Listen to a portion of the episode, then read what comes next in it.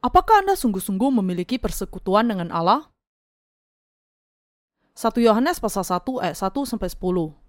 Apa yang telah ada sejak semula, yang telah kami dengar, yang telah kami lihat dengan mata kami, yang telah kami saksikan, dan yang telah kami raba dengan tangan kami tentang firman hidup, itulah yang kami tuliskan kepada kamu. Hidup itu telah dinyatakan dan kami telah melihatnya, dan sekarang kami bersaksi dan memberitakan kepada kamu tentang hidup kekal yang ada bersama-sama dengan Bapa dan yang telah dinyatakan kepada kami. Apa yang telah kami lihat dan yang telah kami dengar itu, kami beritakan kepada kamu juga, supaya kamu pun beroleh persekutuan dengan kami. Dan persekutuan kami adalah persekutuan dengan Bapa dan dengan anaknya, Yesus Kristus. Dan semuanya ini kami tuliskan kepada kamu, supaya sukacita kami menjadi sempurna. Dan inilah berita yang telah kami dengar dari dia, dan yang kami sampaikan kepada kamu. Allah adalah terang, dan di dalam Dia sama sekali tidak ada kegelapan. Jika kita katakan bahwa kita beroleh persekutuan dengan Dia, namun kita hidup di dalam kegelapan, kita berdusta dan kita tidak melakukan kebenaran. Tetapi jika kita hidup di dalam terang, sama seperti Dia ada di dalam terang, maka kita beroleh persekutuan seorang dengan yang lain, dan darah Yesus, anaknya itu, menyucikan kita daripada segala dosa.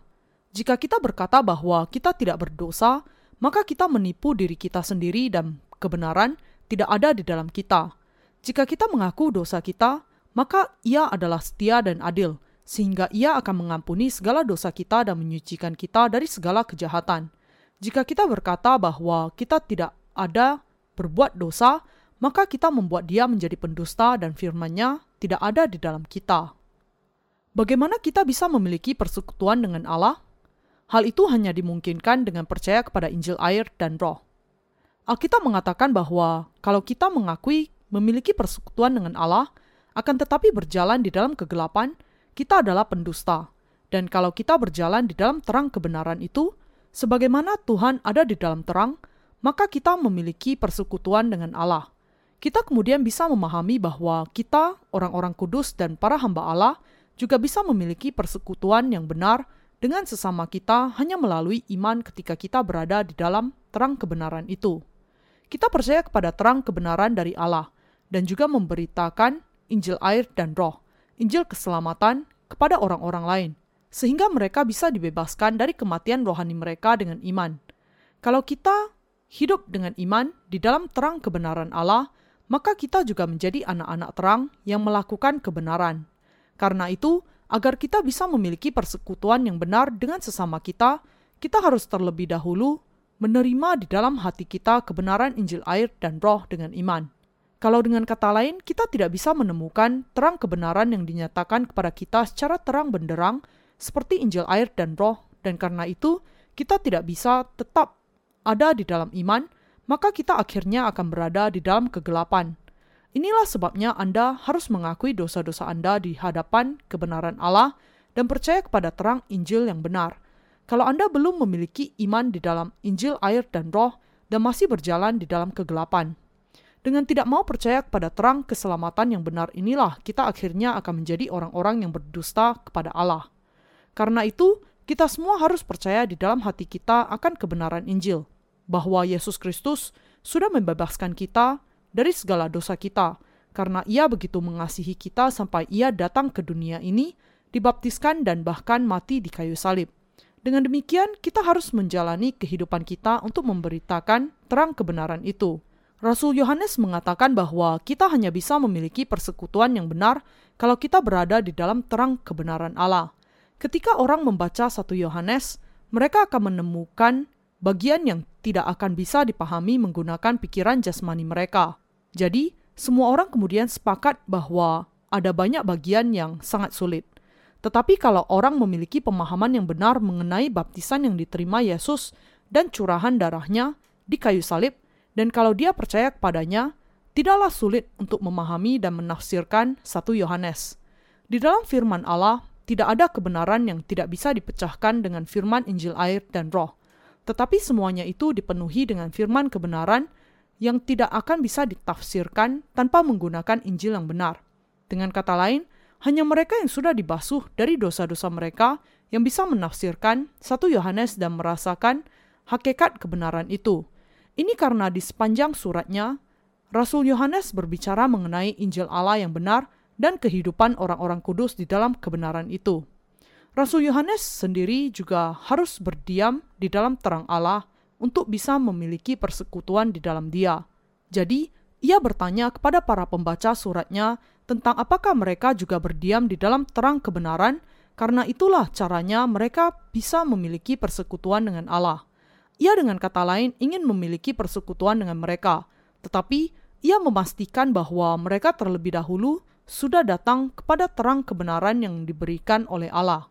Rasul Yohanes ingin membagikan imannya kepada mereka yang percaya kepada terang kebenaran yang sama, dan ia mengatakan bahwa hal itu hanya bisa terjadi kalau mereka semua memiliki iman kepada firman Injil air dan Roh yang sudah membawakan kepada kita keselamatan atas dosa. Kalau iman kita tidak sama dan bahkan berbeda dengan iman yang percaya kepada Injil yang diberikan Allah ini, maka kita tidak akan bisa memiliki persekutuan yang tulus dan benar di dalam Kristus. Inilah sebabnya Rasul Yohanes mengatakan, dan persekutuan kami adalah persekutuan dengan Bapa dan dengan anaknya, Yesus Kristus. 1 Yohanes pasal 1 ayat 3. Karena itu, agar orang Kristen bisa memiliki persekutuan yang benar dengan sesama orang Kristen, ia harus memiliki iman yang sama, yang percaya kepada firman kebenaran yang berasal dari Injil, air, dan Roh. Di dalam Yesus Kristus, kita percaya kepada Injil, air, dan Roh yang diberikan oleh Tuhan, dan dengan iman ini kita sudah mati bersama dengan Kristus dan sudah menerima kehidupan baru dari Dia. Tuhan kita sudah memberikan firman kebenaran kepada kita semua, sehingga kita bisa dibasuhkan dari segala dosa kita dengan Injil, air, dan Roh. Saudara seiman yang terkasih, Anda harus memahami bahwa walaupun Anda mengaku percaya kepada Yesus Kristus sebagai juru selamat Anda, selama Anda tidak percaya kepada Injil, air, dan Roh, dan dengan demikian dosa-dosa Anda belum dihapus dari hati Anda, Anda tidak bisa menjadi anak-anak Allah. Kalau Anda tidak percaya kepada terang kebenaran yang ada di dalam Injil, air, dan Roh, dan karena itu Anda tidak menjadi anak-anak Allah, maka tidak hanya mustahil bagi Anda untuk memiliki persekutuan yang benar dengan Allah, tetapi juga mustahil bagi Anda untuk memiliki persekutuan yang sejati dengan sesama orang-orang kudus yang telah dilahirkan kembali. Dengan memiliki persekutuan bersama mereka yang percaya kepada Injil keselamatan dari Yesus Kristus, Rasul Yohanes ingin mendapatkan sukacita yang dua kali lipat. Yohanes mengatakan, "Dan semuanya ini kami tuliskan kepada kamu supaya sukacita kami menjadi sempurna. 1 Yohanes pasal 1 ayat 4. Di dalam persekutuan kita adalah ketika kita berada di dalam Injil air dan roh dengan iman yang sama yang membuat sukacita kita menjadi penuh. Sukacita kita berlipat ganda di dalam Tuhan ketika kita membagikan persekutuan kita di dalam Injil air dan roh. Agar orang-orang berdosa memiliki persekutuan dengan orang-orang benar, iman apa yang harus mereka miliki? Hal itu hanya bisa terjadi kalau mereka memiliki iman kepada Injil air dan roh. Sangat mustahil bagi orang-orang berdosa untuk memiliki persekutuan dengan mereka yang sudah menerima pengampunan dosa mereka. Mengapa demikian? Karena mereka tidak seimbang secara rohani dengan orang-orang yang dilahirkan kembali, karena mereka tidak percaya kepada Injil air dan roh. Tetapi sekali mereka percaya kepada Injil air dan roh, mereka bisa memiliki persekutuan yang benar dengan orang-orang kudus. Pada awalnya, mereka yang belum dilahirkan kembali mungkin akan merasa kesulitan untuk memahami ketika mereka mendengar apa yang dikatakan oleh orang-orang yang percaya kepada Injil air dan roh kepada mereka. Tetapi pada akhirnya mereka akan memahaminya. Mereka juga akan memiliki persekutuan yang benar dengan Yesus Kristus. Orang-orang berdosa merasa sulit untuk memahami apa yang dibicarakan oleh mereka yang percaya kepada Injil air dan roh. Mereka pada awalnya bahkan merasa aneh dengan apa yang dikatakan dan dilakukan oleh orang-orang yang dilahirkan kembali. Agar kita bisa memiliki persekutuan yang benar dengan orang-orang berdosa, mereka harus terlebih dahulu percaya kepada Injil kebenaran air dan roh dan datang kepada terang kebenaran. Untuk itu, mereka harus mengenal Injil kebenaran air dan roh dan mereka harus menjadi orang Kristen yang sejati. Dan agar kita bisa datang kepada terang kebenaran, kita harus terlebih dahulu mengakui secara jujur tentang siapa kita sebenarnya. Orang-orang berdosa bisa sampai kepada iman yang diberkati di dalam Injil air dan roh ketika mereka memahami bahwa mereka ada di ambang murka penghakiman Allah karena dosa-dosa mereka. Untuk dengan sempurna dibebaskan dari dosa-dosa mereka. Dengan kata lain, orang-orang berdosa harus terlebih dahulu mengakui bahwa mereka adalah pelaku kejahatan sejak lahir dan ditentukan untuk masuk neraka. Dan kemudian, mereka harus percaya kepada Injil, air, dan roh. Inilah satu-satunya jalan yang benar untuk mencapai kebenaran keselamatan. Kita harus lepas dari semua dosa dan hukumannya, dan dari akibat racun yang kita warisi dari Adam. Ini hanya bisa terjadi dengan percaya kepada Injil air dan roh. Hanya dengan demikian kita bisa kembali kepada Yesus Kristus. Hanya setelah kita menjadi orang-orang benar dengan percaya kepada Injil air dan roh, maka kita bisa memiliki persekutuan yang benar dengan Allah. Hanya setelah itu, kita bisa memahami pemulihan yang sempurna dalam hubungan antara Allah dengan umatnya, dan di antara para hamba dan orang-orang kudusnya. Kalau Anda percaya kepada Yesus tanpa mengenal Injil air dan roh, Anda akan menjadi apa? Itu berarti bahwa Anda akan menjadi orang yang imannya sia-sia. Kalau Anda tidak mengenal Injil air dan roh yang adalah terang keselamatan, meskipun Anda percaya kepada Yesus sebagai juru selamat, bukankah iman Anda akan menjadi sia-sia? Inilah sebabnya Anda harus mempelajari dan memahami Injil kebenaran air dan roh. Dan Anda harus menjadi orang yang percaya kepada firman kebenaran Injil ini. Adalah di dalam firman kebenaran Injil air dan roh yang diberikan oleh Tuhan, maka kita bisa memahami kebenaran keselamatan yang sejati, dan adalah dengan percaya kepada kebenaran ini sehingga kita bisa diampuni dari segala dosa dan menjadi lengkap sampai selamanya. Alkitab mengatakan, Nuh adalah seorang yang benar dan tidak bercela di antara orang-orang sejamannya. Kejadian pasal 6 ayat 9. Kita harus terlebih dahulu memahami bahwa ada orang-orang yang benar di dalam Alkitab.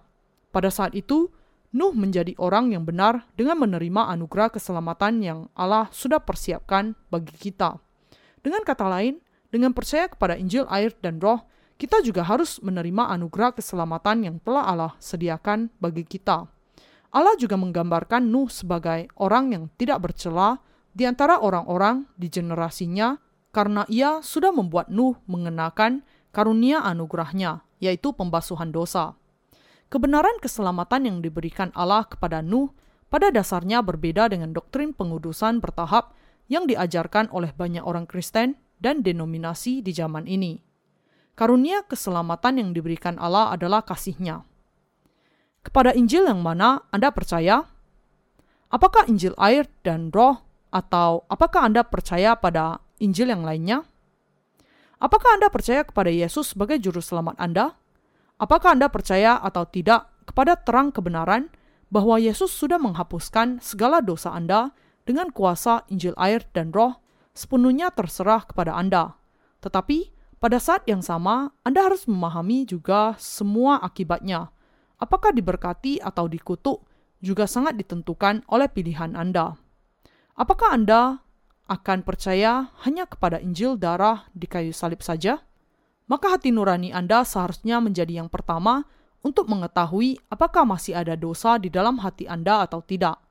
Kalau Anda sampai saat ini masih hanya percaya kepada darah Yesus di kayu salib untuk keselamatan Anda, maka dosa-dosa Anda masih akan tetap ada di dalam hati Anda. Bukankah benar demikian? Tetapi kalau jiwa Anda sekarang sudah percaya kepada Injil air dan roh, maka Anda akan menemukan terang kebenaran yang sejati, terang kelahiran kembali. Apa pikiran Anda mengenai Injil air dan roh? Mereka yang percaya kepada Injil air dan roh tidak memiliki dosa di dalam hati mereka. Tetapi mereka yang percaya kepada doktrin pendamaian bertahap, sebagian besar dari orang Kristen di zaman ini sudah mengikuti kesalahpahaman ini. Mereka berpikir, bagaimana ada orang yang dengan sombongnya mengaku tidak memiliki dosa, ketika manusia melakukan dosa setiap harinya di dalam dagingnya, mereka yakin bahwa manusia tidak akan pernah menjadi tidak berdosa selama hidup di dunia. Tetapi Allah melenyapkan dosa-dosa mereka karena mereka percaya kepada Yesus. Namun, mereka harus memahami akan kenyataan bahwa Yesus menanggung segala dosa dunia sekali untuk selamanya, termasuk dosa-dosa di masa lalu, masa sekarang, dan masa yang akan datang melalui baptisan yang diterimanya dari Yohanes Pembaptis. Dan mereka harus memahami bahwa adalah karena Yesus dibaptiskan oleh Yohanes Pembaptis sehingga ia mencurahkan darahnya di kayu salib. Yesus Kristus adalah juru selamat yang sama, dahulu, sekarang, dan selamanya. Dengan dibaptiskan oleh Yohanes Pembaptis, yang melaluinya dia menanggung dosa-dosa dunia ini, dan dengan naik ke kayu salib dan mencurahkan darahnya, Yesus sudah menggenapi semua kebenaran Allah sekaligus. Dengan Injil, air, dan Roh, Tuhan sudah menghapuskan segala dosa dunia ini sekali untuk selamanya. Tetapi sangatlah menyedihkan bahwa banyak sekali orang Kristen di zaman ini yang mengabaikan pelayanan-pelayanan Yesus itu yang sudah menghapuskan segala dosa dunia sekali untuk selamanya. Mereka masih mempertanyakan bagaimana dosa-dosa orang-orang yang sungguh-sungguh percaya kepada Injil, air, dan Roh bisa dihapuskan. Orang-orang yang demikian akan tetap menjadi orang-orang berdosa meskipun mereka sudah percaya kepada Yesus, karena mereka tidak mengenal Injil, air, dan Roh, dan juga tidak mempercayainya. Karena mereka tidak mengenal Injil kebenaran yang sebenarnya, mereka tidak bisa sungguh-sungguh dibasuhkan dari segala dosa mereka dengan iman. Saya hanya bisa berharap dan berdoa bahwa orang-orang yang percaya hanya kepada darah di kayu salib untuk keselamatan mereka kemudian akan percaya kepada Injil, air, dan roh dan mengalami pembasuhan dosa yang sebenarnya. Rasul Yohanes adalah salah satu murid Yesus yang sejati yang percaya kepadanya sebagai juru selamatnya ia menerima karunia pembasuhan dosa yang sebenarnya dengan imannya kepada baptisan yang diterima Yesus Kristus dari Yohanes Pembaptis dan curahan darahnya di kayu salib. Di bagian lain di dalam tulisan Injil, ia juga dengan jelas menyaksikan mengenai pentingnya baptisan yang diterima Yesus dari Yohanes Pembaptis. Yohanes pasal 1 ayat 29 sampai 34. Yohanes ini yang sekarang mendorong kita orang-orang kudus untuk memiliki persekutuan yang baik satu sama lain dalam terang keselamatan yang sejati. Kalau hati Anda memang sudah diterangi dengan terang keselamatan di dalam Injil, air, dan Roh, maka Anda juga akan menjadi orang-orang kudus di dalam iman.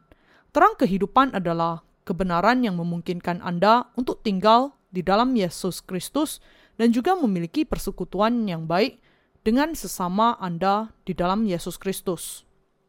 Apa yang akan Anda lakukan kalau masih ada dosa di dalam hati Anda, meski Anda sudah percaya kepada Yesus?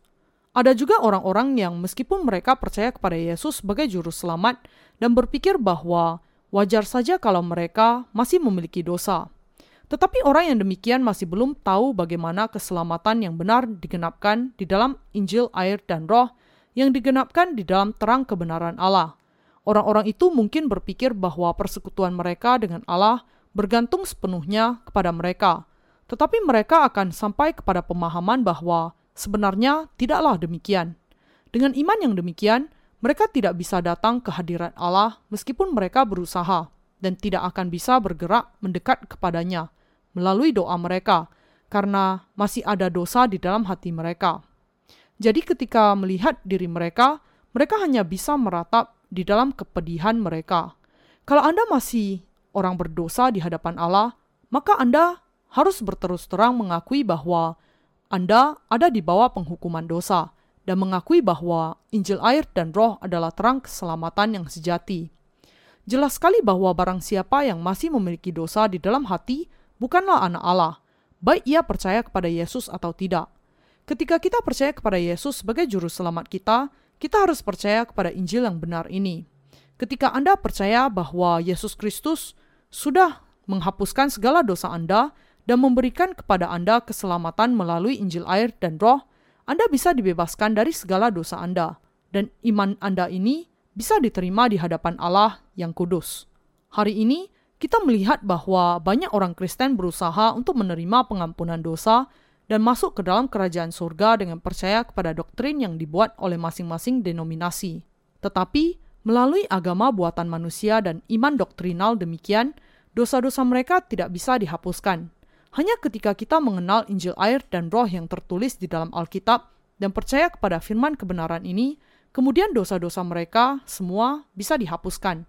Ketika kita memahami bahwa Yesus Kristus adalah juru selamat yang sudah datang dengan Injil air dan roh dan percaya kepadanya di dalam hati kita, keselamatan yang sempurna dipenuhi di dalam diri kita Iman dari Rasul Yohanes juga adalah iman yang percaya kepada Injil, air, dan roh.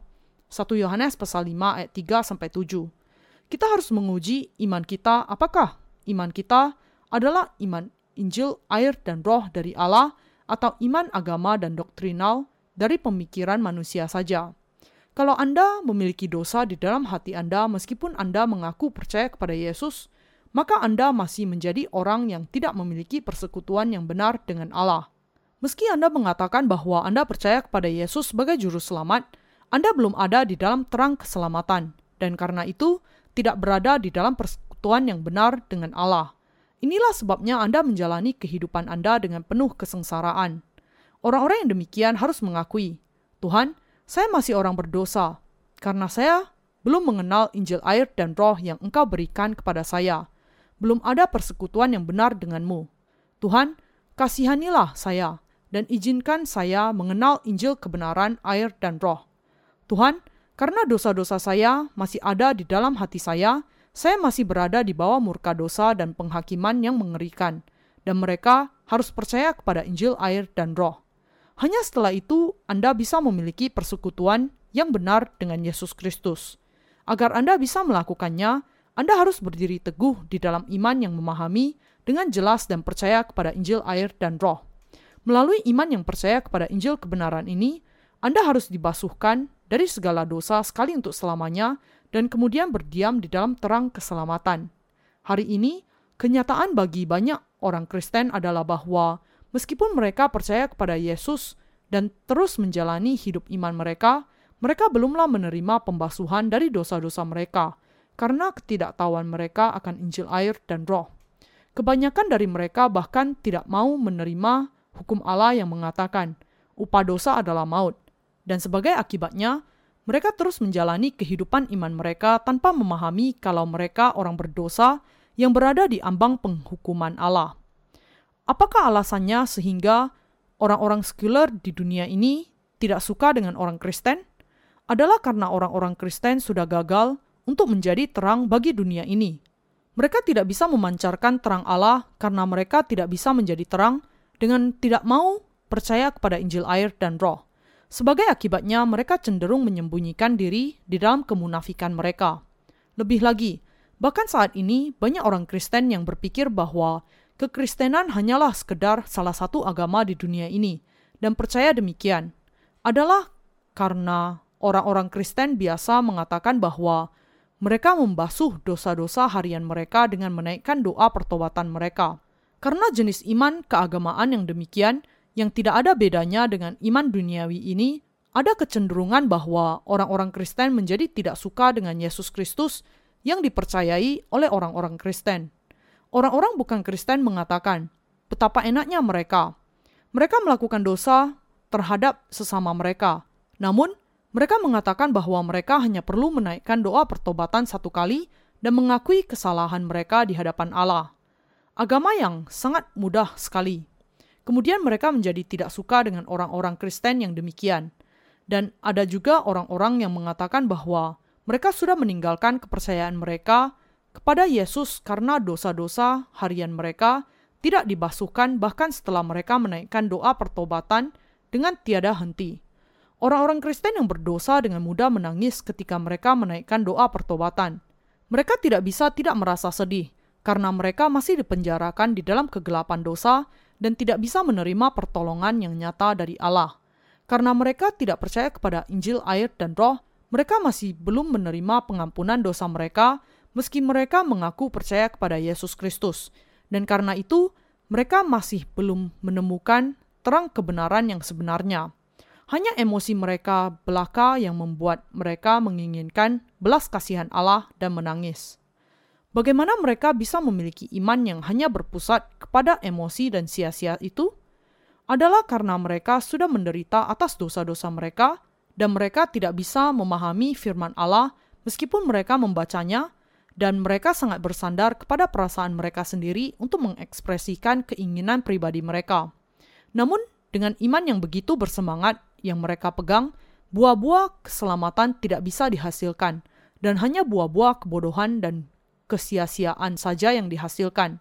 Karena mereka memiliki dosa, mereka tidak bisa menghasilkan buah-buah Roh Kudus meskipun mereka berusaha dan tidak bisa mengasihi sesama mereka meski sekeras apa pun mereka berusaha. Mereka yang masih memiliki dosa tidak akan bisa menjalani kehidupan iman yang berhasil meski bagaimanapun mereka berjuang. Mengapa demikian? Karena mereka masih belum mengenal Injil air dan roh yang memampukan mereka untuk menerima pengampunan dosa mereka dengan dibasuhkan dari dosa-dosa mereka, dan tidak percaya kepada Injil ini. Mereka yang belum menerima pengampunan dosa di dalam hati mereka harus bertemu dengan para hamba Allah yang memegang terang kebenaran Allah dan mereka harus mendengar pengajaran Injil kebenaran untuk bisa menerima pengampunan dosa di dalam hati mereka. Kalau Anda sungguh-sungguh mau menjalani kehidupan iman Anda sepenuhnya tanpa dosa dan memanggil Allah sebagai Bapa Anda, Anda harus dengan sepenuh hati percaya kepada kebenaran firman Injil air dan roh yang diberikan oleh Tuhan. Ketika Anda percaya kepada Injil yang benar, Anda akan menemukan dan menerima terang kebenaran. Inilah sebabnya Tuhan menyebut orang-orang yang dilahirkan kembali sebagai terang dunia. Matius pasal 5 ayat 14. Tuhan mengatakan bahwa sebuah pohon dikenali dari buahnya. Kalau manusia memang orang-orang berdosa sejak lahirnya, maka mereka tidak akan pernah menjadi orang-orang benar kecuali kalau mereka percaya kepada Injil air dan roh. Kalau seseorang yang masih memiliki dosa di dalam hati mereka mengatakan bahwa Yesus adalah juru selamat, ia akan dinyatakan sebagai seorang pendusta di hadapan Allah, karena imannya adalah iman yang salah. Dengan demikian, orang-orang yang tidak mengenal Injil air dan roh, mereka tidak percaya kepada kasih kebenaran di dalam hati mereka, dan karena itu mereka masih menjadi orang-orang berdosa. Akan tetapi, mereka berlaku seolah-olah sudah diubahkan dari keadaan sebagai orang berdosa menjadi orang-orang benar ini bagaimanapun hanyalah tindakan kemunafikan yang mendustai Allah, manusia, dan dirinya sendiri. Orang-orang demikian itu tergolong sebagai sekam meskipun mereka masuk ke dalam gereja Allah. Kalau seseorang tidak memiliki buah-buah roh kudus, maka orang ini adalah orang yang tidak mengenal Injil air dan roh. Ia hanya bisa hidup kalau ia mengingat bahwa dirinya adalah orang berdosa dan percaya kepada Injil air dan roh. Tanpa itu, tidak akan bisa menerima Roh Kudus. Mereka yang percaya kepada Injil air dan Roh dipimpin oleh Allah, karena Roh Kudus berdiam di dalam hati mereka. Tetapi bagi orang-orang berdosa, karena Roh Kudus tidak berdiam di dalam hati mereka, mereka tidak dituntun oleh firman Allah, tetapi mereka hidup berdasarkan hawa nafsu mereka, dan karena itu mereka akan binasa pada akhirnya. Sekali Anda menjadi orang benar karena iman kepada Allah, maka Anda akan menghasilkan buah-buah iman Anda ketika waktunya sudah tiba.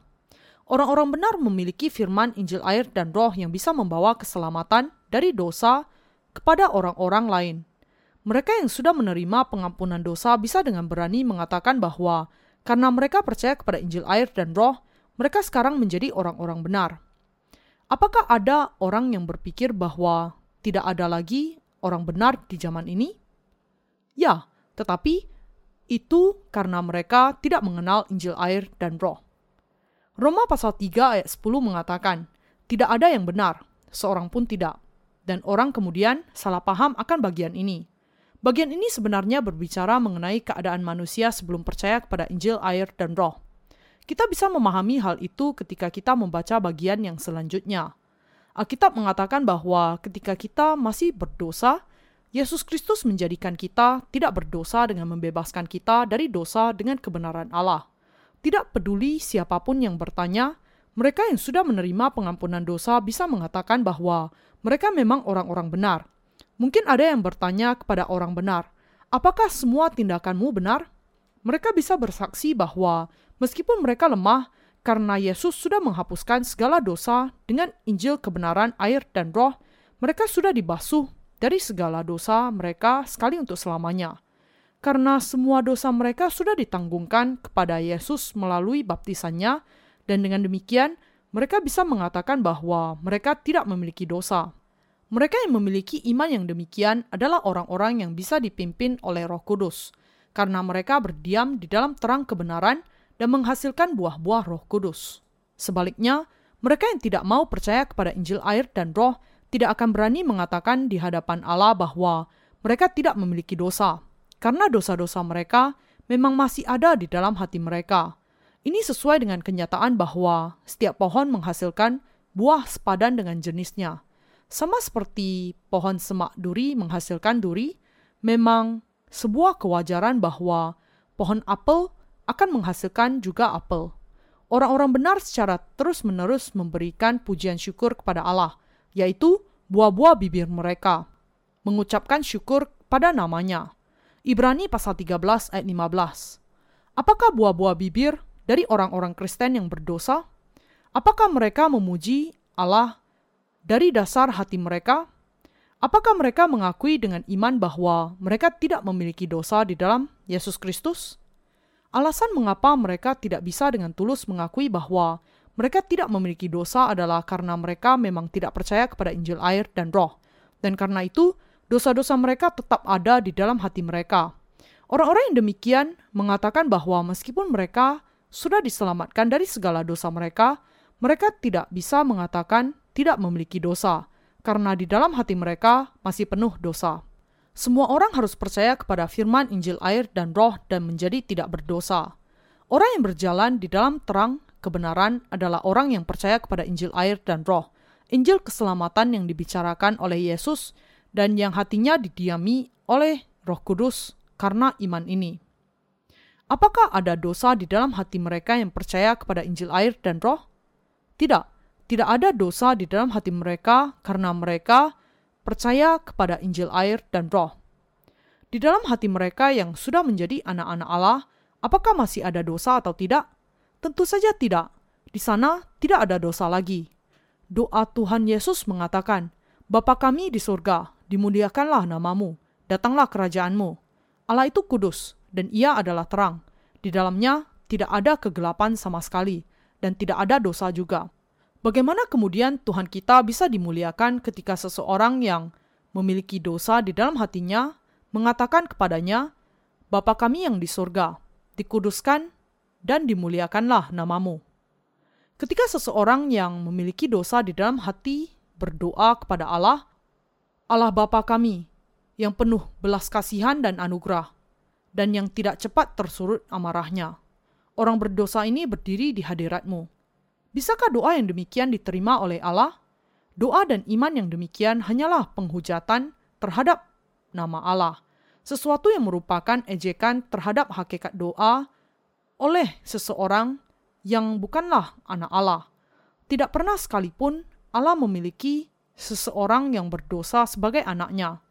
Doa Tuhan Yesus menjelaskan kepada kita bahwa Allah bisa dimuliakan kalau kita terlebih dahulu menerima melalui Injil air dan roh pengampunan dosa kita dan menjadi orang-orang benar. Dan dengan demikian bisa memanggil Allah sebagai Bapa kita. Ada tertulis di dalam bagian selanjutnya dari doa Tuhan Yesus. Ampunilah dosa kami, seperti kami mengampuni orang yang bersalah kepada kami. Bagian ini menjelaskan bahwa bahkan mereka yang sudah diampuni dari dosa-dosa mereka masih bisa melakukan dosa karena mereka memang manusia biasa. Akan tetapi, kita sudah diampuni dari segala dosa kita melalui Injil air dan roh. Karena itu, bagian ini menjelaskan kepada kita bahwa sebagaimana Tuhan sudah mengampuni segala dosa kita, kita yang percaya kepada Injil yang indah ini juga harus memaafkan kesalahan orang-orang lain. Kalau kita percaya kepada Injil air dan roh, tidakkah kita harus saling mengampuni dosa sesama kita juga? Allah pasti akan menegur kita kalau kita tidak saling memaafkan. Bagian yang kita baca hari ini dari 1 Yohanes pasal 1 berbicara mengenai mereka yang sudah menerima pengampunan dosa dengan percaya kepada Injil air dan roh. Tuhan kita berdiam di dalam hati anak-anak terang, orang-orang benar, dan membuat mereka tidak pernah haus lagi. Kita adalah para hamba Kristus yang dengan mengisi hati kita dengan Injil air dan roh setiap waktu, setia kepada Tuhan yang sudah menguduskan kita dari segala dosa kita. Meskipun kita sudah dengan sempurna dibasuhkan dari dosa-dosa kita dengan percaya kepada Injil air dan roh, ini tidak berarti bahwa kita tidak lagi melakukan dosa. Sebaliknya, kita semakin menemukan kelemahan kita. Tetapi karena Injil kebenaran air dan roh sudah membasuhkan segala dosa kita, kita tidak memiliki dosa. Semua kesalahan dan pelanggaran kita merupakan dosa di hadapan Allah. Sebagai contoh, ketika Anda melemparkan tanah kotor di mata air yang jernih, mata air itu untuk sementara akan berubah menjadi coklat, berlumpur. tetapi kita tidak bisa menyebutnya sebagai mata air berlumpur, karena mata air itu dibersihkan dengan air bersih yang senantiasa mengalir keluar dari sumbernya, dan kita masih bisa menyebutnya sebagai mata air yang bersih. Bahkan setelah menerima pengampunan dosa kita, ada saat-saat di mana hati kita dicemari oleh dunia, tetapi kita membersihkan semua kecemaran di dalam hati kita dengan percaya kepada firman Injil air dan roh. Sebagaimana air bersih terus mengalir dari sumber mata air yang menjadikan air yang kotor itu kembali menjadi bersih, mereka yang percaya kepada firman Injil air dan roh senantiasa dibasuhkan dari pelanggaran mereka dengan iman ini. Tidak lain dari hal inilah kuasa dari mereka yang sudah percaya kepada Injil air dan roh. Kalau seseorang mengakui percaya kepada Injil air dan roh, tetapi masih memiliki dosa di dalam pikirannya, ini berarti bahwa ia belum diselamatkan dari dosanya dan belum menjadi terang yang sejati. Hanya orang-orang yang tidak berdosa yang sungguh-sungguh percaya kepada Injil air dan roh seperti Rasul Yohanes yang bisa dikatakan sebagai terang yang sejati. Rasul Yohanes bisa ditetapkan menjadi hamba Allah karena ia terlebih dahulu percaya kepada Injil air dan roh. Hanya mereka yang sudah dibasuhkan dari segala dosanya dengan percaya kepada Injil air dan roh yang bisa menjadi hamba Allah. Demikian juga dengan Rasul Paulus. Sebelum ia menjadi hamba Allah, ia memang seorang penghujat yang menganiaya orang-orang Kristen. Setelah dilahirkan kembali, ia menyebut dirinya yang lama sebagai penghujat, penganiaya, orang kejam, dan paling berdosa. 1 Timotius pasal 1 ayat 13 sampai 15. Bahkan ia sudah menganiaya orang-orang yang percaya kepada Yesus sedemikian. Tetapi ia kemudian menjadi percaya bahwa Yesus Kristus sudah membasuhkan segala dosanya melalui Injil air dan roh. Demikianlah Rasul Paulus menjadi hamba Allah dengan percaya kepada Yesus yang menjadi juru selamat baginya. Ia pernah mengakui kejahatannya di hadapan Raja Agripa. Bagaimanapun juga, aku sendiri pernah menyangka bahwa aku harus keras bertindak menentang nama Yesus dari Nazaret. Hal itu kulakukan juga di Yerusalem. Aku bukan saja telah memasukkan banyak orang kudus ke dalam penjara setelah aku memperoleh kuasa dari imam-imam kepala, tetapi aku juga setuju jika mereka dihukum mati. Dalam rumah-rumah ibadat, aku sering menyiksa mereka dan memaksanya untuk menyangkal imannya, dan dalam amarah yang meluap-meluap, aku mengejar mereka bahkan sampai ke kota-kota asing. Kisah para Rasul pasal 26 ayat 9 sampai 11. Dengan kata lain, ketika mengingat kembali tindakan yang dilakukannya sebelum menerima pengampunan dosa, Rasul Paulus menjelaskan bahwa dirinya adalah orang yang paling berdosa. Bahkan meski ia adalah orang yang paling berdosa, tetapi karena kesabaran Allah, ia kemudian menemukan terang Injil air dan roh dan menerima pengampunan dosa. Ia bersaksi bahwa demikianlah, dengan percaya kepada Injil yang benar, ia menjadi hamba Allah. Dengan kata lain, Rasul Paulus mengakui di sini bahwa sebelum ia dilahirkan kembali, ia adalah orang yang paling berdosa. Tetapi setelah bertemu dengan Tuhan dan dilahirkan kembali dengan iman, ia menjadi orang yang benar dan tidak memiliki dosa di dalam hatinya. Singkatnya, kalau seseorang memiliki dosa di dalam hati setelah percaya kepada Yesus, ia pastilah seorang pendusta dan firman Allah tidak bisa ditanam di dalam hatinya. Sebagai contoh, ketika rumah seseorang penuh dengan tamu, maka tidak akan ada lagi tamu lain yang bisa masuk. Demikian juga, ketika seseorang berpegang kepada doktrin Kristen yang keliru, Injil air dan roh tidak akan bisa masuk ke dalam hatinya. Inilah sebabnya orang yang demikian harus menanggalkan imannya yang cacat. Dalam bagian Alkitab hari ini, Rasul Yohanes mengatakan terlebih dahulu kepada orang-orang benar tentang bagaimana memulihkan kembali kehidupan terang mereka jika mereka jatuh ke dalam kegelapan. Tetapi bagian ini juga dijelaskan kepada orang-orang berdosa yang tidak memiliki persekutuan dengan Allah. Mereka harus terlebih dahulu mengakui bahwa mereka tidak ada di dalam terang dan ada di dalam kegelapan serta ditentukan untuk masuk ke dalam neraka. Allah kemudian akan bertemu dengan mereka dan membasuhkan segala dosa mereka dengan Injil air dan roh, menjadikan mereka anak-anak terangnya. Di dalam gereja Allah, pengakuan yang benar adalah untuk menyatakan keadaan seseorang sebagaimana adanya. Tetapi pertobatan itu berarti adanya sikap berbalik. Pengakuan dan pertobatan adalah dua hal yang berbeda. Dosa-dosa Anda bisa dibasuhkan hanya kalau Anda bertobat. Kalau Anda memiliki dosa di dalam hati Anda, akuilah siapa diri Anda yang sebenarnya, bahwa Anda adalah orang-orang berdosa. Tuhan kemudian akan membasuh segala dosa Anda dengan terang Injil, air, dan roh. Inilah alasannya mengapa Tuhan datang ke dunia ini sebagai juru selamat orang-orang berdosa. Nama Yesus memiliki arti juru selamat, sebagaimana tertulis, Ia akan melahirkan anak laki-laki, dan engkau akan menamakan dia Yesus, karena dialah yang akan menyelamatkan umatnya dari dosa mereka. Matius pasal 1 ayat 21. Ketika kita jatuh ke dalam dosa, Yesus datang ke dunia ini dan menghapuskan segala dosa dengan baptisan dan curahan darahnya. Dan percaya kepada kebenaran ini sebagai iman yang membawa Anda kepada keselamatan yang sempurna. Rasul Yohanes seorang yang benar berkhotbah demikian sehingga orang-orang berdosa bisa menerima pengampunan dosa dan menjadi orang-orang benar dan di sisi lain ia juga mendorong orang-orang benar untuk menjalani kehidupan terang yang sepadan. Pengakuan yang sejati berarti mengakui bahwa dirinya adalah sekedar gumpalan dosa yang tidak bisa menghindar dari melakukan dosa. Dasar dari pengakuan dosa yang sebenarnya ditemukan di dalam Injil air dan roh bahwa Yesus sudah membuat kita dibasuh dari segala dosa kita. Dan setelah menerima pengampunan dosa dengan percaya kepada Injil yang indah ini, agar kita berjalan dengan benar di dalam terang Allah, berarti menjalani kehidupan kita sebagai orang-orang Kristen.